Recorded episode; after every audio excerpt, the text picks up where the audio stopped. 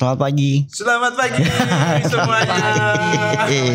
Akhirnya kita bisa ketemu lagi ya dengan uh, Dokter Nonot. Guys, kita rame-rame loh. Kemarin biasanya langsung saya di close up ke sini, jenengan di close up ke sana. Baru kali ini ini narasumber kita langsung di tengah dok. Yes. Nanti kita akan kenalan dengan narasumber kita hari ini mas. Uh, Kayaknya seru sekali nah. dia. pasti dong, pasti, pasti. Ya baik, selamat pagi uh, sobat Muardi. Kita ketemu lagi di Positif. Podcast sehat solutif. Tim positif and Get get more more solution. solution. Ya, kita hampir satu bulan ya. Kita kita tiap bulan kayaknya syuting terus tapi bulan kemarin kita nggak nggak tahu ke mana nih. Dan ada satu lagi bu manajer, bu produsernya nggak ada hari ini. Kita bebas jam kosong, jam kosong. tapi ada penggantinya. Ya baik sobat Muardi, eh, tentu saja di podcast kali ini ya, di materi kali ini akan sangat menarik sekali karena eh, kita sudah kedatangan eh, dua narasumber yang keren-keren banget pokoknya dokter Nonot ya. Pastinya kan eh, pernah dengar nggak apa sih eh, yang di benak dokter Nonot kalau misalnya eh, pasien itu pastikan ada beberapa kondisi. Hmm. Nah kalau misalnya kondisinya mungkin di saat fase-fase yang eh, bukan kritis ya, tapi Tidak bisa disembuhkan. nah tidak bisa disembuhkan. Nah itu bagaimana sih? Kadang pernah Ada terapinya ya. ada terapinya, Oh. Nggak kayak di sinetron, ini kan? Pernah nggak dengan di, di sinetron itu?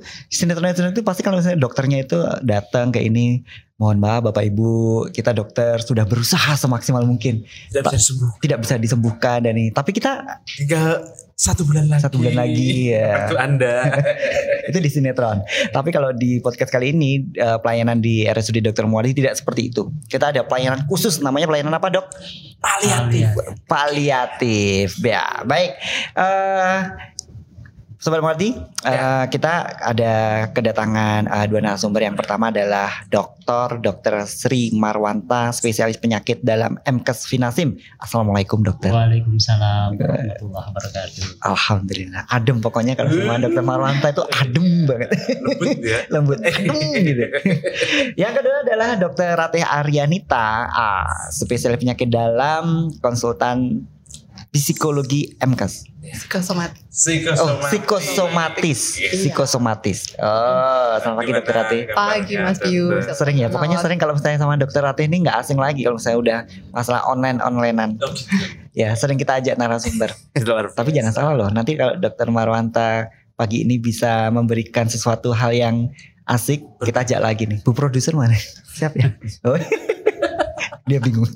Bu produsernya nggak ada. Ya baik, eh, kita materi pagi ini apa, Dokter Nonat? Perawatan paliatif ya. Perawatan paliatif. Nah, Nah, untuk meningkatkan kualitas hidup pasien di saat terakhir. wah di saat terakhir. Tapi benar nggak sih akan terakhir? Ya, Kita akan lihat nanti ya. Bagaimana sih kualitas hidupnya eh, pengalaman-pengalaman dokter-dokter ini eh, setelah menangani beberapa pasien-pasien yang harus dirawat dengan paliatif? Ya, langsung aja dok. langsung aja kita langsung tanya kepada Kita langsung ke tanya ahlinya Dokter aja. Mm-mm, Sri sama Marwanta. dokter Sri Iya. Marwanta. Monggo. apa sih dok eh, terapi paliatif itu dok? Ya. Oh iya iya. Ya, terima kasih. Jadi kalau kita bicara tentang mungkin sebenarnya uh, lebih lengkapnya mungkin pra- program paliatif ya. Program. Jadi kalau saya nanti kan kaitannya lebih khususnya ke arah program paliatif cancer.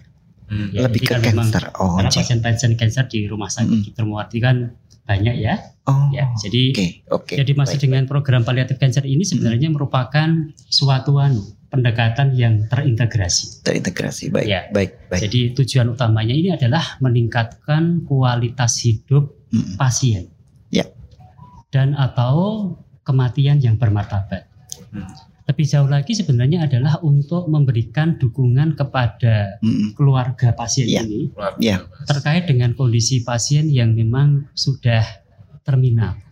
Oh, Dengan cara apa? Terutama adalah memberikan kenyamanan, Mm-mm. pembebasan rasa nyeri, Mm-mm. serta gangguan-gangguan lain yang terjadi pada pasien ini. ya, ya. Dan pendekatannya pun konkret. Ya. Ada visi, Mm-mm. ada psikososial, Mm. maupun secara struktural. Struktur. Bahkan religinya yang akan kita Oh. Oke. kita dekati. Baik, baik. Sehingga tujuan utamanya nanti terutama pada pasien ini akan merasa nyaman. Betul, Kualitas hidupnya juga akan nyaman. betul. Tetapi juga keluarga yang setiap hari bertemu dengan pasien ini Mhm, juga akan merasa ada seseorang lain yang memperhatikan Betul. sehingga bebannya berkurang Ya. kualitas hidup dari keluarga pasien itu pun juga akan meningkat Hmm. begitu Iya. Apakah harus dilakukan di rumah sakit dok? Ya. Jadi memang sebenarnya targetnya pasien-pasien yang palliative cancer ini tujuan akhirnya justru sepertinya perawatan itu bukan di rumah sakit, Hmm. tetapi justru di rumahnya. Malah lebih besar di rumahnya. Harapannya di Cuma rumah. memang pada kondisi-kondisi tertentu Iya. bahwa pasien ini memang Mm-mm. harus dirawat di rumah sakit terlebih dahulu. Hmm. Misalnya Betul. dari keluarga merasa bahwa aduh saya tidak tega ini kalau dirawat di rumah sakit di Ya. keluarga. Ya. Makanya dia akan dibawa ke rumah sakit. Hmm, oke. untuk meng- Baik, baik. mengatasi keluhan-keluhan yang dirasakan sangat mengganggu. Iya. Jika keluarga belum siap. Betul. Atau yang kedua masuk ke rumah sakit ini misalnya ada komplikasi yang memang saat itu mengganggu dan harus diatasi. Misalnya ada sesak nafas yang begitu sangat karena ada cairan di paru-parunya Hmm, atau perut yang sangat gede karena mohon maaf ada cairan asitesnya Iya, iya. atau rasa nyeri yang memang tidak bisa diatasi Hmm, dengan obat-obatan yang sudah dibawakan oleh dokternya. hmm. Nah, Keluhan-keluhan ini apabila sudah bisa diatasi dengan baik, harapannya Mm-mm. pasien ini nanti bisa perawatannya itu di rumah. betul. Karena banyak yang eh, apa namanya menginginkan bahwa kalau misalnya seseorang itu akan meninggal, dia akan lebih nyaman kalau meninggalnya itu di tengah-tengah keluarga Oh. mungkin di samping kanan kirinya anaknya, cucunya atau pasangannya sehingga mungkin akan apa ya kembali menghadap sang Halik Di tengah-tengah orang-orang yang sangat dicintai. Wow. Tapi tapi kadang ini loh dok, eh, apa ya orang eh, orang yang sudah eh, pasien yang sudah sakit, yang mungkin tadi dokter mengatakan terminologi gitu, eh, mohon maaf, ngeyel. Seperti itu bagaimana? Ada juga dok yang peng- pokoknya pengennya harus ke rumah sakit. Ya, ya. Ini nanti pasti kita akan bekerja sama dengan yang lain ya. Karena memang kalau kita berhadapan dengan pasien-pasien yang mungkin dikatakan sudah terminal, Mm-mm. kemungkinan harapannya tidak mempunyai harapan untuk sembuh Hmm. atau mohon maaf secara medis usianya itu mungkin tidak berapa lama lagi kan Ya, itu ada ciri-cirinya. Mm. Ya kita memang salah satunya adalah satu pendekatan secara pelan-pelan Hmm. pada Mm. pasien. Tapi memang kita harus betul-betul hati-hati di dalam memberi- memberitahu kepada pasien ini. Iya. Jangan sampai seolah-olah kita mengatakan, Pak, Bu, penjenengan itu memang sudah parah, tidak bisa diapa-apakan. Kan jangan sampai seperti itu. Langsung down. Ya, kan agak seperti itu. Betul. Jadi memberi sesuatu yang Eh, eh, pelan-pelan, tetapi yang mungkin dari saya akan lebih jelas, lebih rinci, Mm-mm. itu kita secara pelan-pelan dengan keluarganya. Betul. Betul. Tetapi Ya, ya. jangan di hadapan si pasien. Hmm. Kalau seperti itu kan berarti seolah-olah kan akan menurunkan semangatnya kan. Iya betul. Ya, Betul. betul. Sehingga dan ini memang akan eh, melibatkan dari banyak pihak ya. Dari dalam suatu tim itu kan nanti kan akan banyak yang terlibat. Sehingga akan saling memberitahu sehingga misalnya pada suatu ketika pasien ini memang layak untuk rawat jalan harus ada suatu kesepakatan antara siapa? Dokter tim yang merawat ini Mhm. dengan pasiennya, Mhm. dengan anggota keluarganya. Mhm. Targetnya apa? Bisa dirawat di rumah. Kalau misalnya kontrol sudah kita berikan kapan? Kapan itu kontrol? Hmm. Tetapi juga harus kita pesan. Kalau memang sebelum waktunya kontrol terjadi penurunan, Mhm. terjadi kondisi yang gawat, Mhm. sesuatu yang mungkin mengkhawatirkan dari eh, pasien dan anggota keluarganya, Mhm. silahkan kembali ke rumah sakit. Lewat mana? Hmm. Lewat UGD. Oh, lihat IGD. Iya, Oh jadi iya. ada semacam eh, tidak harus menunggu sampai tanggal sekian harus Betul, Tapi betul. kalau ada sesuatu silahkan Datang aja. Oh iya. Begitu. Baik, Ya. baik. Ya, tapi kondisi pasien eh, yang ditangani sama dokter Marwanta selama ini masih sadar ya dok ya? Ya, memang ada beberapa yang rata-rata masih sadar. Masih sadar? Ya, Hmm. jadi misalnya ada penyerahan dari beberapa departemen di luar kami, kondisinya masih sadar dok, Hmm. Bapak Ibu. Tetapi begini, ada beberapa kondisi yang menurut beliaunya sudah tidak memungkinkan. Karena khususnya dari kami eh, yang cancer ini kan pertama adalah dengan cara operasi. Kemudian yang kedua adalah dengan radio radioterapi. Yang ketiga dengan kemoterapi atau penggabungan dari ketiga itu.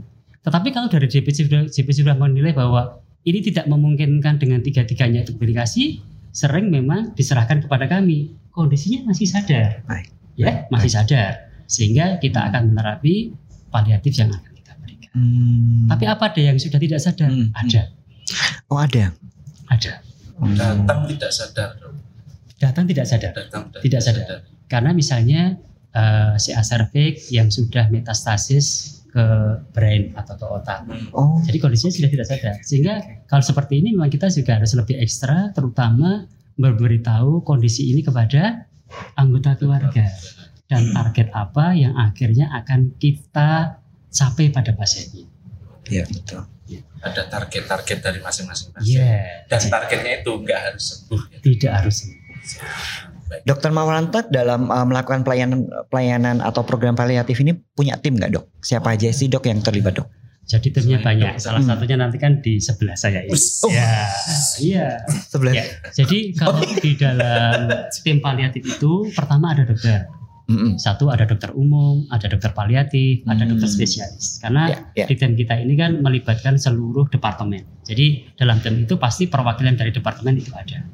Kemudian ada perawat, ada pembantu perawat, kemudian ada apoteker, kemudian ada ahli gizi, kemudian ada psikologis, ada psikolog ya, Hmm. psikolog klinis, Betul. kemudian ada juga rohaniawan, Betul. termasuk ada yang namanya pekerja sosial. Dan ini yang tugasnya salah satunya adalah mendampingi keluarga di dalam keseharian. Jadi memang banyak melibatkan disiplin Hmm. supaya apa toh? Ya kita bisa memberikan pelayanan yang terbaik untuk pasien, walaupun mungkin apa di masa-masa akhir hidupnya. Hmm. Iya. Kalau misalnya ini dok, eh, apa eh, dalam proses edukasi ke keluarga, apakah ada keluarga yang harus dipilih? Dalam artian dari tingkat pendidikannya dari keluarganya, terus eh, soalnya kebanyakan kan ada beberapa keluarga mungkin pengampunan dok, Iya. pendidikan mungkin eh, latar belakang secara pendidikan mungkin tidak belum bisa menerima apa sih yang penjelasan dari dokter, terus eh, mungkin diwakilkan dari keponakan dan keponakan eh, dan keluarga lainnya tuh mungkin penyampaiannya juga kurang pas dengan apa yang ini gimana dok trik-triknya seperti itu dok Iya, iya. betul. Jadi kalau di program paliatif memang ada yang namanya family meeting ya. Jadi seperti rapat keluarga. rapat keluar Terutama memang yang akan kita panggil terutama adalah anggota keluarga yang paling berperan dengan si pasien oh Paling dekat. tetapi paling dekat. ya ya ya Mungkin yang paling berharga ya. Terus, ya. Tetapi kadang-kadang memang mungkin kita juga harus mempertimbangkan terkait dengan eh, kemampuan beliau-beliaunya ini untuk memahami apa yang kita sampaikan. Hmm. Sehingga yang paling sering kita lakukan adalah beberapa anggota keluarga yang memang kita panggil secara bersamaan Hmm, supaya hmm, keterangan yang kita ini nanti tidak Hmm. hanya satu sisi. Hmm. Karena gini, menurut pengalaman kalau hanya satu yang kita beritahukan, Hmm. bisa saja nanti anggota keluarga lain pada waktu lain kali ketemu nanti ditanyakan lagi Hmm. dengan pertanyaan yang Sama. sama betul betul dan perlunya juga adanya semacam berita acara apa yang sudah kita sampaikan kepada itu? Supaya apa? Dan ditandatangani nanti pada Iya. akhirnya ya. Oh oke. Sehingga misalnya pada saat ini sebenarnya permasalahan utamanya itu apa? Apa yang kita berikan? Dan target apa yang akan kita berikan pada pasien ini menjadi sesuatu yang jelas. Baik. Ya di samping untuk memberikan penjelasan pun kita harus juga satu suara. Idealnya nanti Hmm. apa? Dari tim ini sudah suatu merumuskan bareng-bareng. Hmm, hmm, apa tuh yang harus kita sampaikan kepada pasien hmm. dan atau anggota keluarga beserta target apa yang ingin kita capai dalam perawatan ini. betul betul betul Kalau yang disampaikan ke keluarga tadi ya dok ya. Iya. Kalau yang disampaikan langsung ke pasien ini dok. Ya, Apa sih dok? ya. Kok saya Jadi- jadi penasaran ini. Selama ini memang kita menjadi sesuatu yang agak berbeda ya. Iya. Jadi kadang-kadang apalagi kalau misalnya usianya sudah sangat sepuh, J kondisinya complicated banget. Iya. Ya, akan kita beritahukan secara sekilas saja. Mm-mm. Misalnya, pada pasien ini datang dengan keluhan nyeri yang amat sangat. Ya Mm-mm. sudah, yang kita tonjolkan adalah rasa nyeri ini Rasa nyerinya. Bapak atau Ibu akan kita atasi, Hmm. harapannya akan membaik, akan tidak mengganggu dan seterusnya. Ya. Tetapi kan sebenarnya di luar rasa nyeri itu kan sangat banyak. sangat baik Ini nantilah yang terutama akan kita beritahukan kepada ya anggota Hmm. keluarga. Hmm, Karena memang sebenarnya apa yang diderita oleh pasien itu yang pertama kali paling berhak siapa yang mengetahui? Ya pasien itu. pasien Tapi betul betul kadang-kadang kita kan harus wise juga. Hmm, hmm. Apa yang harus baiknya kita berikan supaya apa? Dia mengerti tetapi menghindari sampai down. Oh Hmm. ternyata saya kok sudah parah ya. Nah ini yang mungkin akan sedikit banyak kan hmm. kita hindari. oh lagi dong. Ini seru nih. ya. Bukan seru, ini sedih. Lah ya. Enggak maksudnya tuh saya baru tahu oh ternyata ternyata itu memang harus ada eh, nggak hanya satu saya pikir itu gini dok hanya satu dokter yang seperti DPJP ya dokter perawat pertanggung jawab utamanya itu yang hanya eh, menyampaikan ternyata ini satu tim ya dok ya ada dokter umum tadinya dan ada apotekernya juga Wah, biasa loh. Saudara-saudara. Tim berarti. Iya, ya tim. kita punya tim dok di Murung Sekendung Ada. Luar biasa. Baru tahu kan? Baru tahu. ya, baik terima kasih Dokter Marwanta nih. Kita akan eh, lanjut ke sebelah nih. Dengan Dokter Rati. Menurut dokter nih, kebanyakan seperti apa sih kondisi psikis pasien yang menjalani perawatan paliatif? Nah, Oke, terima kasih Mas Bius. sama-sama dok. Eh, jadi yang ketemu saya macam-macam. Ada yang sudah dalam kondisi menerima sakitnya, Mm-mm. ada yang masih menolak. Kenapa saya masih sakit begini? Kenapa saya dikasih ini gitu kan? Betul. Saya, Heeh. Ada yang sudah jatuh dalam kondisi depresi. Jadi dia sedih, tidak mau makan, tidak mau ketemu orang. Nah, Oh. itu jadi kenapa dalam layanan paliatif ini pendekatan pasiennya itu pasien center. Jadi Hmm. eh, orang satu dan orang yang lainnya berbeda. Kita lihat eh, seberapa jauh eh, tingkat emosinya pasiennya gitu. Karena ketika dia masih belum bisa menerima sakitnya, masih marah sama sakitnya, keluhannya itu juga akan jadi semakin banyak gitu. Misalkan nyerinya jadi makin terasa gitu. Jadi macam-macam yang Mm-mm. kita temui. Mm-mm. Mm-mm. Unik tiap orang. Oh, berarti kalau misalnya eh, apa ya, dokter kalau melihat dari kondisi dokternya apa namanya pasien itu harus screening dari awal sampai akhir dulu ya. Seperti apa sih kondisi psikisnya kayak gitu. Mm-mm. Ada pengalaman nggak dok kalau misalnya ada yang benar-benar itu dia sampai nggak mau nerima gitu, sampai beberapa kali dan akhirnya apakah itu ketemu lagi nerima akhirnya? Hmm, Oke, saya beberapa hari yang lalu dapat sih Eh, sudah sepuh, udah masih belum bisa menerima sakitnya, tidak mau makan, lempar-lempar bantal itu di kamar, itu yang bisa dia ambil dilempar. Nah itu kita akan memberikan suatu psikoterapi, Hmm. psikoterapi suportif. Gimana supaya pasien ini tidak merasa sendirian menghadapi sakitnya Mm. kemudian dia bisa menerima dan setelah beberapa hari pelan-pelan kita juga edukasi ke keluarganya ini Hmm. dalam kondisi begini sebaiknya support apa sih yang bisa kita berikan Mm. itu dengan perawatnya yang setiap hari ketemu pasien ini Mm. Eh, alhamdulillah eh, beberapa hari kemudian pasiennya bisa pulang senyum mau makan mau minum pertama dia tiap mau makan Mm. udah enggak ada gunanya lagi disembur-sembur itu Oh, ada, ada juga. ada, ada sampai di sumber-sumber yang kemarin. Tapi alhamdulillah pelan-pelan. Memang Ah. harus tim. Jadi ada Hmm, perawat, hmm, ada hmm, keluarga hmm. yang nungguin, Mm. dokter, Mm. ikut semua. Bahkan roh- rohaniawan ketika kita lihat eh, secara spiritual pasien ini mau menerima Hmm. seorang rohaniawan, Hmm. kita undang juga rohaniawan. Mm. Gitu. Kalau ada terapi untuk keluarganya, dokter. Mm-mm. Mungkin ada keluarganya kan juga yang nggak bisa nerima juga. Ya, Apakah banyak. kadang ada yang ad- kadang ada yang kalau misalnya ini wah wis mungkin eh, saya anggap orang tuanya udah sepuh dan ini ngeyel kan ini. Nah. udah lawan saya nggak percaya dokter. Lah, ya. Saya mau ke ya, yang lainnya ya. aja mana dokter lainnya Gimana dokter?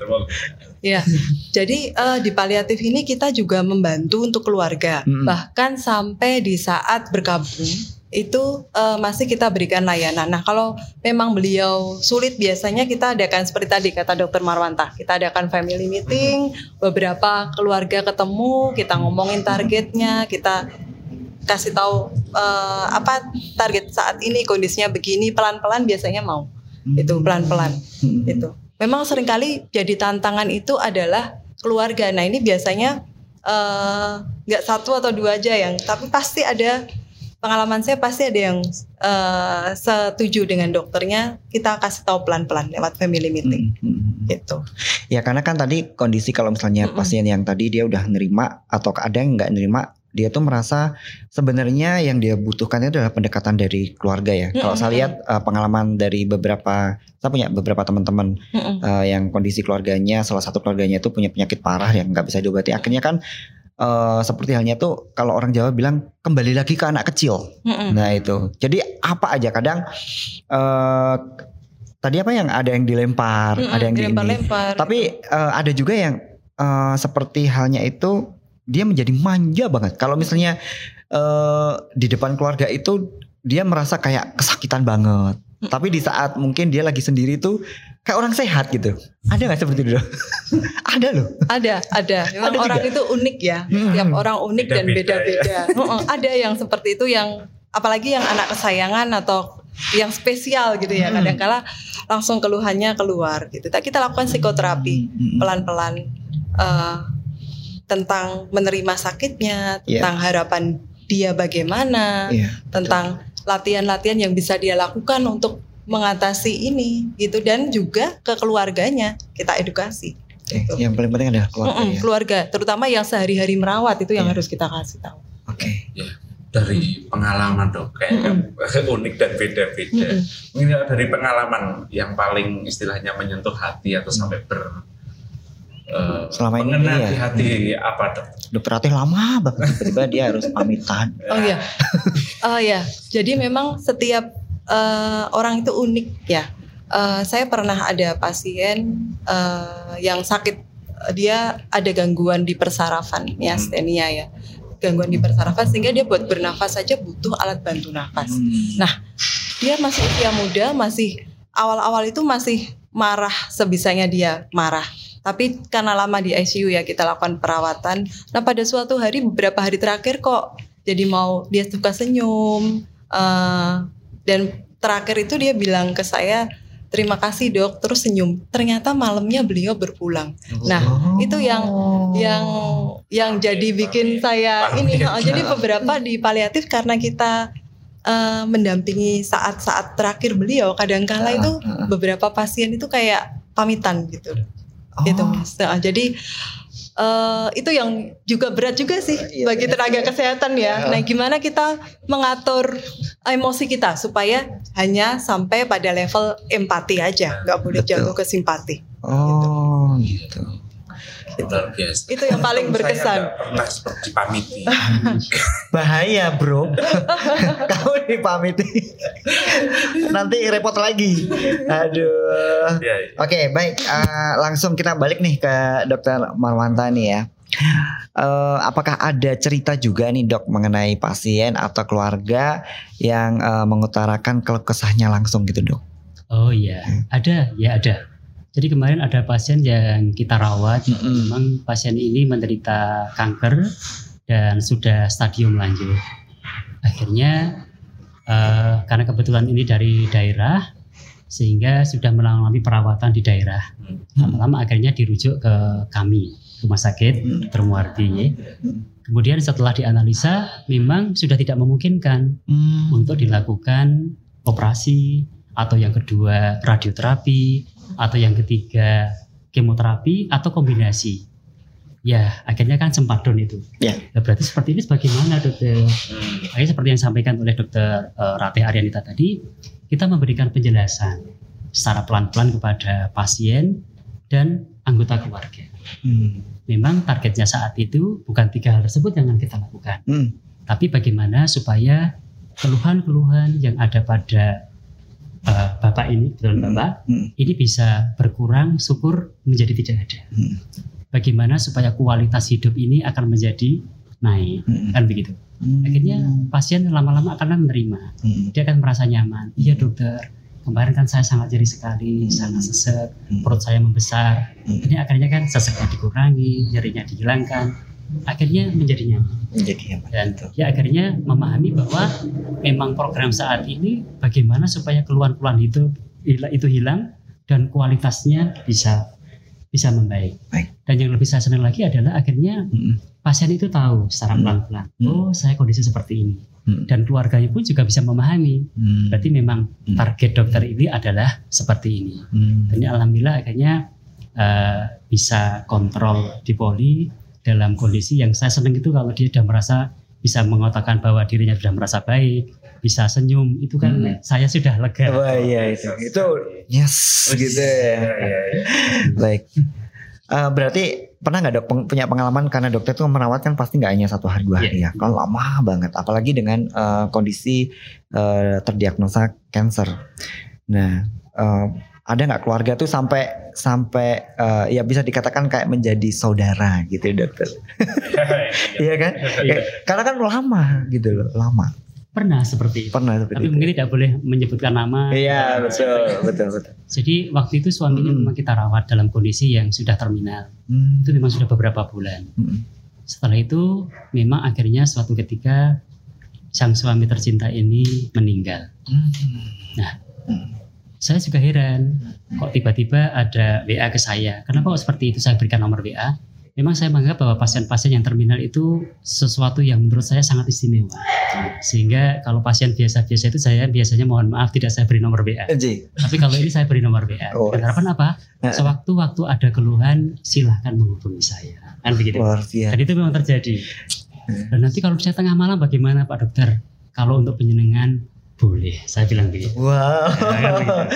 Dan akhirnya suatu ketika kok lama ya kok tidak memberikan apa kabar. Hmm. Dan ternyata kabar itu akhirnya muncul, dokter apakah saya boleh bertemu? Oh boleh silahkan. Heeh.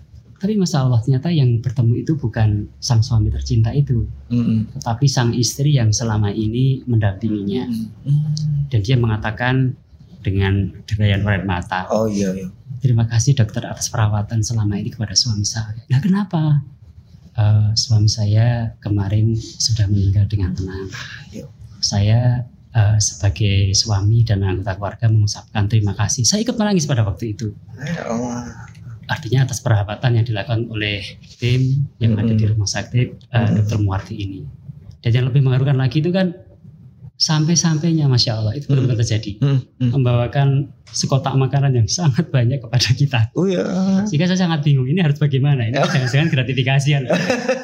Tetapi saya jujur memang akhirnya pada waktu itu eh, kita terima dan kita berikan di bangsal yang Mm. merawat pada waktu itu Hmm. Hmm. tanpa mengurangi saya hormat karena kadang-kadang kalau kita tolak kan mereka merasa anu ya tidak Iya, nyaman gitu. iya, betul. Apalagi memang Betul. eh, dia mengatakan ini sebagai sedikit rasa terima kasih. Saya bilang seperti itu. Iya betul. Ya akhirnya kami terima. Jadi Iya. itu merupakan suatu apa yang namanya ya pengalaman yang betul-betul terjadi dan Iya, saya merasa betul-betul bisa menangis, terharu dan nggak tahu lah campur aduk pada Iya, baik. Karena dokter sudah mendampingi lama, tahu Iya, prosesnya, tiga tahu bulan pada waktu itu. tiga bulan. Iya. Ya Allah. Ya ini air matanya nggak dibuat ya. Beneran. Benar. ya, aduh. ya. Nih, kita kembali lagi nih dari Dokter Ratih nih. Ya, bisa dijelaskan dok seperti harapan dari pendamping psikologi apa nih psikologi pasien paliatif. Bagaimana sih uh, peran pendamping ini terhadap peningkatan kualitas itu? Oke. Eh, jadi Heeh. Eh, tentunya kita semua tahu ya sakit Hmm, sakit terminal itu bukan hal yang mudah betul. buat pasien, buat keluarga. Nah, gimana eh, masalah pendampingan ini supaya pasien itu satu, dia berdamai dengan kondisinya.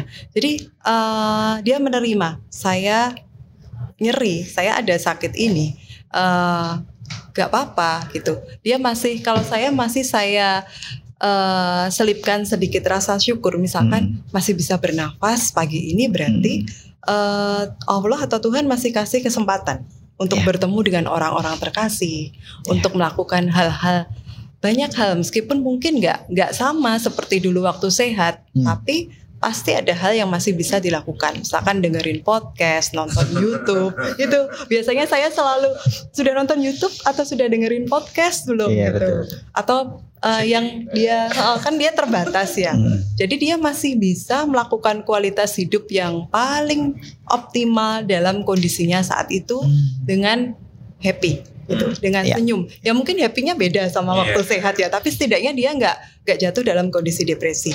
Demikian juga di keluarganya. Pasti eh, saya akan tekankan eh, memang yang ketika sakit yang diuji itu nggak cuma yang sakit, Mm. justru yang ujian terbesar adalah pada keluarga yang merawatnya. Betul. Nah ini berarti Tuhan atau Allah sayang banget sama bapak atau ibu diberi kesempatan merawat keluarganya yang sakit, Iya, diberi kesempatan menikmati saat-saat eh, mungkin kita tahu nggak nggak akan lama. Hmm. Jadi Hmm. gimana supaya keluarga dan pasien Hmm. ini saling mengisi, Hmm. saling menerima, saling menjaga Mhm. hingga kualitas hidupnya bagus Ya. di saat-saat terakhir sehingga bisa berpulang dalam kondisi yang bermartabat.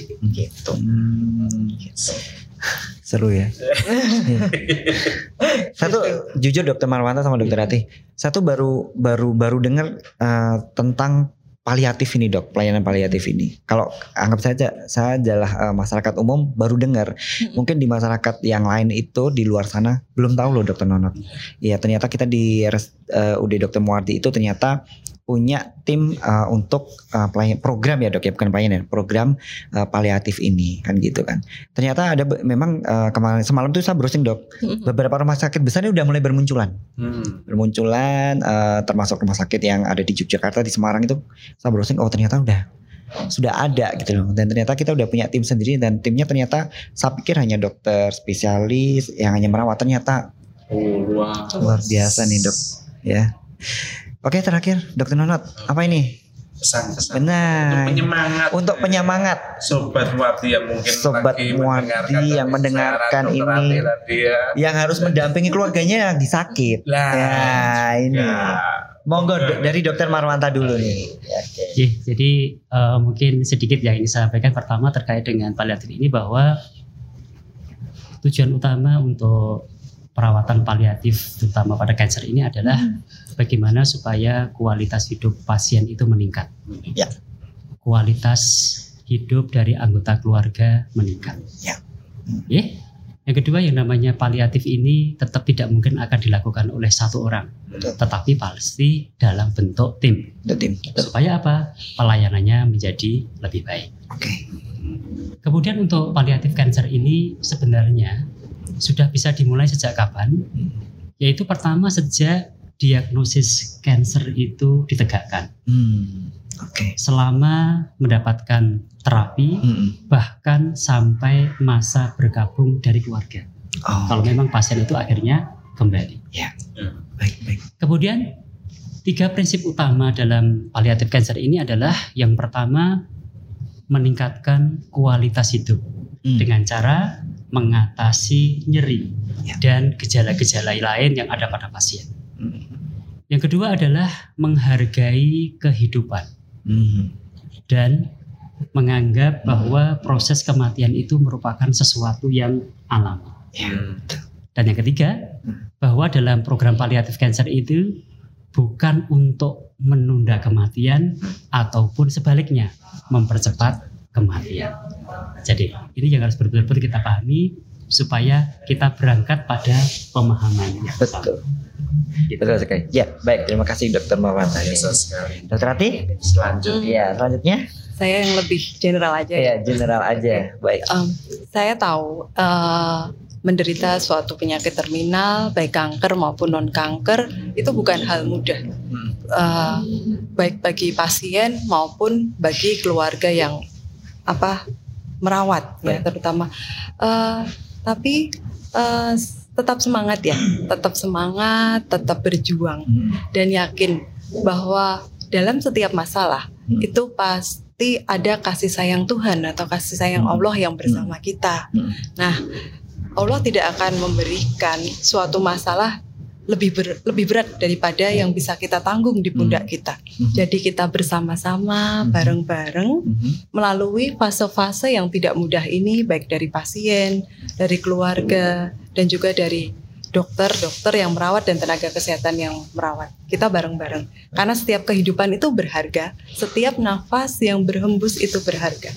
Jadi mari kita hargai kehidupan. Itu aja. Dalam banget. Ini iya. Kayak kayaknya kita datangkan lagi deh. Wah, sebenarnya kalau misalnya kita nggak cukup dok kalau bicara kita setengah jam nih ya Dokter Marwanta. Banyak banget yang akan kita gali informasi yang tentunya ini nanti akan bermanfaat bagi sobat muarti kita ya. Tapi ya gimana waktunya udah di sana udah langsung cut. Ah, Oke ganti, Bu. Iya, oke Bu produser kita cut. ya baik sobat Muardi, Eh, terima kasih udah menyaksikan eh, podcast pada eh, sesi kali ini. Tentunya jangan lupa selalu mendengarkan podcast di mana aja dok?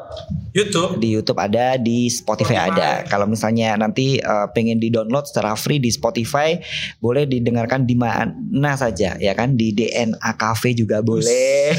Luar biasa kayaknya. Sponsor utamanya di NA Cafe boleh, nanti di perjalanan boleh. Nanti kalau misalnya ada yang mau komen langsung aja ya dok ya, Eh, di komen di YouTube-nya itu di bawah ada eh, ada link komennya ya, di komennya apa sih yang kurang, apa sih yang perlu ditingkatkan, dan boleh diusulkan kalau misalnya sobat Muardi pengen materi apa yang akan kita angkat.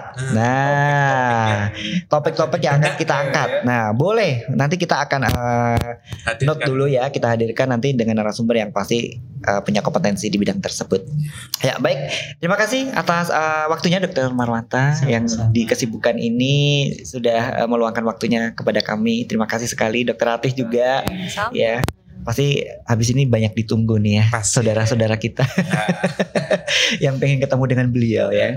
Ya baik, berarti dengan dengan, eh, dengan demikian berarti selesai sudah untuk eh, podcast kali ini. Tentu saja selamat eh, menyaksikan untuk eh, sesi berikutnya karena ada sesi berikutnya yang akan lebih seru lagi ya dok ya. Betul Ya sampai ketemu di podcast berikutnya. Masih di positif. podcast sehat selalu deh. Think positif. And get more solution. Nah. Wassalamualaikum warahmatullahi wabarakatuh. Waalaikumsalam Waalaikumsalam warahmatullahi wabarakatuh.